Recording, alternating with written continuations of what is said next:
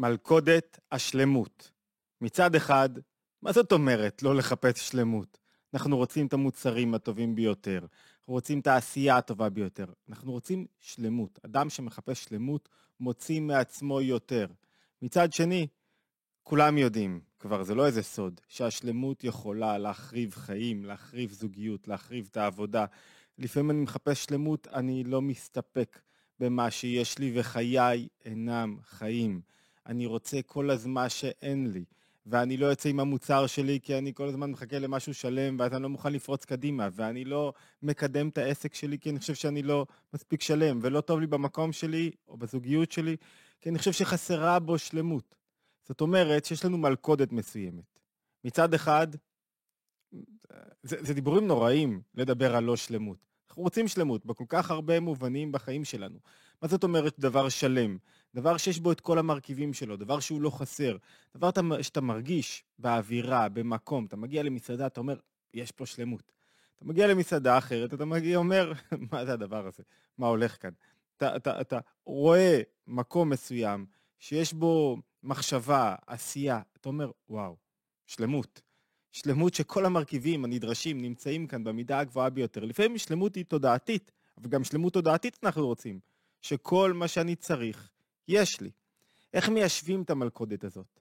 בין אני מחפש אחר שלמות, לבין שלמות עם מקום שיכול להיות בעל היזק גדול בנפש. בואו ניכנס רגע לגמרא, במסכת יומא, כ"ב עמוד ב', אומרת משהו מהמם, היא אומרת, למה מלכות בית שאול היא לא המלכות שזכתה להיות זאת שמקימה את בית המקדש, המלכות המרכזית בעם היהודי. שאול נמשך למלך ולקחו ממנו את המלוכה. למה? למה לא מלכות בית שאול? והתשובה, מפני שלא היה בו דופי. הוא כן, חטא, בחטא אחד, אבל בו עצמו לא היה דופי. אמר רבי יוחנן, משום רבי שמעון בן יהוצדק, אין מעמידים פרנס על הציבור, אלא אם כן קופה של שרצים תלויה לו מאחוריו. שאם תזוח דעתו, תתגאה דעתו, אומרים לו, חזור לאחוריך. מה הכוונה כאן? יש לנו נטייה כחברה, כ- כמדינה, לשחוט שחיטה לא כשרה את המנהיגים שלנו, לחפש איזה קול בדל של פיסת משהו שהם עשו בעבר שלהם, וממש לרדת עליהם בעליהום כזה, לפעמים יש בעליהום הזה הרבה צדקנות והרבה הנהגה לא רצויה, ומתנפלים בכזאת עליהום ושוחטים את המנהיגים שלנו, וזה לא משנה אם המנהיג הזה הוא אה, אה, מאמן כדורסל, או שהוא מאמן כדורגל, או שהוא פוליטיקאי, או שהוא רופא. והגמרא אומרת משהו אחר לגמרי. מי אתם רוצים שינהיג אתכם? מי שיש לו קופת שרצים על גבו. מי שידע מה זה להיות שבור, מי שידע מה זה ליפול, מי שידע מה זה להיות חוסר שלמות. מי אתה רוצה שיהיה אה, שר אוצר? אתם רוצים שיהיה שר אוצר, אדם שמעולם לא היה עני, מעולם לא פשט את הרגל, מעולם לא הקים עסק? איך הוא יכול להיות שר אוצר? איך הוא יכול להבין בכלל, כשהוא משית גזרות על הציבור, איך הוא יכול להבין בכלל את הגזרות הללו? אדם שלא התנסה אף פעם, לא השקיע, לא הימר עם הכסף שלו, לא עשה איזה השקעה, איך הוא יכול להיות יזם? איך הוא יכול ללמד יזמות? איך הוא ללמד את האומץ של יזם לקחת כסף ולהשקיע ולדעת שאולי יצא, אולי לא יצא מההשקעה שלו, מהסיכון שהוא לקח, מקפיצת המדרגה. זאת אומרת, ויכול להיות שהוא נפל. יזם כזה, מאמן כזה, מנהיג כזה, שנפל, הוא טוב יותר, אומרת הגמרא, מאשר אחד כזה שהכל היה לו מושלם. למה? כי אם הוא יתעלה, ייכנס למצב של גאווה. ואז פתאום הוא, אני ואני ואני ואני, יגידו לו, חזור לאחוריך.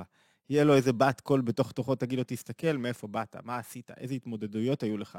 ומתוך ההתמודדויות הללו, הוא יבין, יראה אחרת את הדברים. זאת אומרת, אחת התנועות החשובות ביותר לאדם היא תנועה של ביטול, היא תנועה של חוסר גאווה, היא תנועה שהוא לא מלא בעצמו. כדי להשיג את התנועה הזאת, חייבים שיוורון. חייבים מקום שבור בנפש, מקום שהוא לא מושלם, מקום שאין בו את כל המרכיבים, מקום שהייתה בו נפילה. אבל אנחנו רוצים בתוצאות להשיג כמה שיותר שלמות. זאת אומרת, בנפש יש לי מקום שבור, אבל אני רוצה, השבור הזה דוחף אותי להשיג תוצאות טובות יותר. כל מגילת רות, אנחנו ערב, אה, מי ששומע את זה הערב, אנחנו ערב אה, חג מתן תורה, וכל מגילת רות שנוהגים לקרוא וחג מתן תורה, עוסקת במה? מה, מה העניין המרכזי שלה? דוד המלך, היא בסוף מוליכה אל דוד המלך. עשינו סדרה של מספר uh, מצומצם, יש עוד הרבה, אבל כמה uh, הקלטות שעוסקות במגילת רות, בחשיפת הסודות הפנימיים של מגילת רות. אחד העיסוקים המרכזיים שעומד ברקע של כל המגילה זה דוד המלך. לא היה מנהיג בהיסטוריה של העם היהודי שירדו עליו כל כך הרבה, שספג כל כך הרבה. בגיל 70, אחרי שהוא עיצב את הממלכה שלו, הבן שלו מורד בו. מהרגע שהוא נולד לא היה לו רגע אחד של נחת. סיפור הלידה שלו הוא סיפור מהמם יוצא דופן, שמלמד אותנו שכל מנהיג צריך ללכת עם תנועה של יש לי איזה מקום של שבר, ודווקא בזכות זה אני יכול להגיע למקום שלם יותר. דווקא המלכודת הזאת היא טובה יותר עבורי. מה הסיפור אומר לנו ככה? שמואל הנביא בא להמליך, למשוך את דוד המלך תחת שאול. הוא מגיע לישי, הוא אומר לו, תפרוס בפניי את שבעת בניך. הוא עובר על שבעת הבנים, אומר, לא, המלך המיועד לא כאן. אז, אז, והוא ביקש קודם לכן, הוא ביקש מישי, אביו של דוד, תביא את כל הבנים שלך. הוא לא הביא את מי? את דוד המלך. שמואל שואל את ישי, אתה מו הנערים? אין לך עוד ילדים? אז ישי כזה, נו, יש לי עוד uh, אחד קטן, רועה צאן. אז שמואל אומר אל ישי, תשלח אותו אליי, תביא אותו לכאן. ובסוף, מי, ה... מי מוכתר כמלך? הרועה צאן הזה, והשאלה הגדולה היא, מה קרה? למה ישי לא הביא מלכתחילה את דוד להיות אחד משמונת הנערים שלו? למה הוא ויתר עליו? מה זאת אומרת? שמואל, הנביא הגדול, שולח, מבקש שהוא יציג בפניו את כל הנערים שלו, את כל הבנים שלו. ודווקא את דוד הוא שוכח? למה הוא שכח? שזה מדרש, אניגמטי אפילו, שמופיע בילקוט המקירי ובעוד מקומות לתהילים, והוא מסביר, מנסה להסביר רגע את קורותיו של דוד המלך עד גיל 28. הוא מסביר את הדברים ככה, ויש כמה פרשנויות למדרש הזה, אבל, אבל בואו נבין רגע מה הולך שם. ישי, שהיה המנהיג באותה תקופה, איש בעל חשיבות, נשוי לניצבת, ניצבת אשתו של דוד, פרש מאשתו במשך שלוש שנים, כך כותב המדרש. לאחר שלוש שנים אמר לשפחתו, אחרי שהוא שלוש שנים פרש מאשתו, אמר לשפחתו, תקני עצמך הלילה, כדי שתיכנסי אליי בגט שחרור. השפחה הייתה כנראה לא יהודייה, ואם הוא היה מזמין אותה אליו, אז הוא היה יכול, בעצם היא הייתה יכולה להפך ליהודייה, והייתה נישאת לו, או כל תהליך אחר. אני מזמין אותך אליי, בלילה. האישה, השפחה, לא התקבל אליה על. היא הייתה הרי גם כנראה משמשת את אשתו של ישי שהוא פרש ממנה במשך שלוש שנים. הלכה לאשתו ואמרה לו, העולם יחרב, חרבה תבוא עליי ועלייך. בואי תיכנסי במקומי. תיכנסי במקומי. אמרה ניצבת, אשתו של ישי, אוקיי, לערב, כשיאמר לי, סגרי הדלת, תיכנסי את, ואני אצא, אומרת השפחה לאשתו של ישי. ואני אצא, וכך עשתה. עשתה, מה, מי נולד באותו לילה? באותו לילה מיוחד. ישי חשב שהוא עם השפחה. מי נולד? דוד המלך. לאחר זמן רואים שהאישה שניצבת, אשתו של ישי, התעברה, היא בהיריון. כולם מתלחשים, ביקשו בניה להרגה. אמרו, ממי בהיריון? הרי אבא, ישי לא בא עליה במשך שלוש שנים ויותר. ביקשו להרגה. עם בנה דוד. אמר להם ישי, הניחו לו, הניחו לילד. ביקשו להרוג את הילד. הניחו לילד, ויהיה לנו משועבד ורועה צאן. זאת אומרת, במשך 28 שנה היו בטוחים שישי, שדוד המלך הוא בעצם בן ליחסים אסורים של אמו עם מישהו לא ידוע, ולא ידעו שזה יחסים של אמו עם ישי.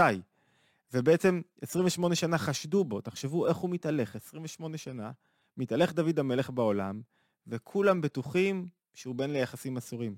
והאחים שלו, איך מתייחסים אליו? זו הסיבה גם שבגללה לא הזמינו אותו לאן? כששמואל אמר, תראה לפניי את הנערים, את בניך, אז לא הזמין אותו, ישי, אביו של דוד, לא הזמין אותו, כי הוא לא היה בטוח בעצם שהוא בנו. הוא היה בספק לגבי העניין. נו, יש עוד אחד שהוא רואה צאן, לא יודע, עוד אחד, לכן הוא לא הזמין אותו מלכתחילה. לא עלה בדעתו בכלל שהוא יהיה המלך המיועד. ורק לאחר 28 שנה נחשף שבעצם הוא באמת בנו של ישי, ולכן קוראים לאמו ניצבת, הלשון שהיא יציבה, חסונה, בעלת חוסן פנימי. 28 שנה שרדה את הסיפור הזה. דוד המלך הולך כשכל הזמן מאשימים אותו במשהו. כל הזמן הוא כאילו לא נולד מהמקום הנכון. ואביו הוא בן לשוש... בן ל... ל... כנראה היה לו יחסים עם מואביה, והוא בן לאם מואביה, והנישואים של סב... סבתו, רות, עם מואביה, ולא בטוח שאפשר היה להתחתן עם מואביה, עדיין יש לשונות שמלחששות, דברים כאלה ואחרים. אף פעם הוא לא סגור בעיני הקהל לגבי ה... היוחסין שלו. יש, חשוב אולי להגיד ככה כהערת אגב, יש, יש כמה פרשנויות שאומרות לגבי ישי, איך זה יכול להיות שהוא פרש מאשתו, שהוא בעצמו חשש. הוא בעצמו חשש שהוא לא מספיק עם שושלת יוחסין נכונה, ואחרי שבעה בנים שהוא הוליד עם אשתו, הוא אמר, רגע, רגע, רגע, אולי אני לא מספיק ראוי לה. שזו פרשנות מאוד, אה, אה, אה, ש, שמאפשרת לנו להבין את המהלך של ישי, שהיה איש צדיק ומיוחד, איש שמדובר עליו, שלא היה לו שום חטא. אבל עכשיו אנחנו מבינים, אבל זה פחות לענייננו. העניין שלנו אומר מה? תחשבו על התודעה של דוד המלך, שהוא הולך, ממשיך להנהגה, והוא ממשיך להנהגה למרות כל כן הצרעות שמאחוריו, למרות ארון השלדים, למרות מה שאומרים עליו, למרות הדיבורים, הוא ממשיך להנהגה ועושה מה שהוא צריך. תחשבו על המסר הגדול שיש לכל אדם. אני שבור בתוכי, נפלתי, אוקיי, התקשיתי, לא עמדתי לפעמים במשימה, לפעמים אני עומד בדברים שהם, שהם לא הוגנים. תחשבו רגע על גל הירש, על המסר שיש להעביר לו. נכון, עברת קשיים, צודקים, לא צודקים. קושי כזה גדול, איום ונורא, לעבור כזה, כזה, כזאת התמודדות, ברור, זה לא אומר שלא צריך להמשיך. זה לא אומר שצריך להרים ידיים, צריך להמשיך ולהשפיע. כי ככה אנחנו רוצים את המנהיגים שלנו. מנהיג שאין לו קופת שרצים על גבו. מי זה מנהיג? כל אדם הוא מנהיג. בבית שלו, במציאות שלו, בחיים שלו. כל אדם הוא מנהיג. כל אדם צריך לדעת שלמרות שיש לו שברים בנפש, למרות שהיו לו התמודדויות, למרות כל אלה רוצים ממנו להמשיך ולדחוף לעבר תוצאות מושלמות יותר, שירים את המציאות חיים שלו. ובאמת, המסר הגדול של חג השבועות, הרי את, את הלוחות שמתקבלים בחג השבועות, הלוחות שיש בהם את עשרת הדיברות. דווקא את הלוחות הללו, מה עושה איתם משה רבנו? שובר אותם. ובפסוקים האחרונים בתורה, אחד מה, מהתהילות, אחד מהשבחים שמשה רבנו מקבל, זה יישר כוחך ששברת את הלוחות הברית. זאת אומרת, דווקא מתוך השבר צומח משהו חדש, תורה חדשה, לימוד חדש, אור חדש, התפתחות חדשה. לא להיבהל מהשברים. המסר של חג מתן תורה, של חג השבועות הוא לא להיבהל מהשברים שבתוכי. יש בהם פוטנציאל אדיר לעזור לי, להתגבר, לעזור לי לא להיות מלא בעצמי, לעזור לי לראות את החיים אחרת, לעזור לי להתפתח. כן, אני רוצה שלמות בעשייה שלי. כן, אני יודע שאני לא שלם. כן, אני יודע שאני שבר, שבור בתוך תוכי, וזה לא מוריד כהוא זה מהפוטנציאל שלי להשיג חיים גבוהים יותר. זאת אומרת, המסר לכולנו, לפני שאנחנו מסיימים, זה בואו נצא נחפש שלמות, משהו גבוה יותר, נדע שהיא קיימת לפחות. חג מתן תורה אומר, תדע שהיא קיימת לפחות. בואו נחפש חיים גבוהים יותר, התמודדות מוצלחת יותר. בפנים, אני יודע מה הולך. אני יודע שאני לא שבור. אני יודע את, ה, את, ה, את המלחמות שלי. אני יודע מאיפה באתי. אני יודע מה מרננים עליי. אני יודע. ובכל זאת, זה לא ימנע ממני מלהיות המנהיג של החיים שלי, של המציאות שלי, של הבית שלי, כל אחד במנהגה שלו. ולכן אנחנו גם נבחר מנהיגים מנהיג מושלם מדי, הוא לא מנהיג טוב. רוצים מנהיג שיודע מה זה להיות שבור, שחטא, שנפל, ש... שהתבחבש, שהיה לו קשיים, שהיה לו מהמורות, שיהיה לכולם, למי ששומע לפני אה, חג השבועות, חג מתן תורה, שיהיה חג שמח ונוהגים לברך שיהיה אה, מתן תורה, קבלת התורה בשמחה, בפנימיות, שתהיה שמחה בכל העניינים. וכמובן, אני מזכיר, התבוננות יומית, אנחנו מעלים מדי יום סרטון, לפעמים יש גם שיעורים, פעם בשבוע יש שיעור ארוך יותר, מוזמנים להירשם כמובן, לערוץ, לשתף ולהשתמע בהתבוננות היומית הבאה.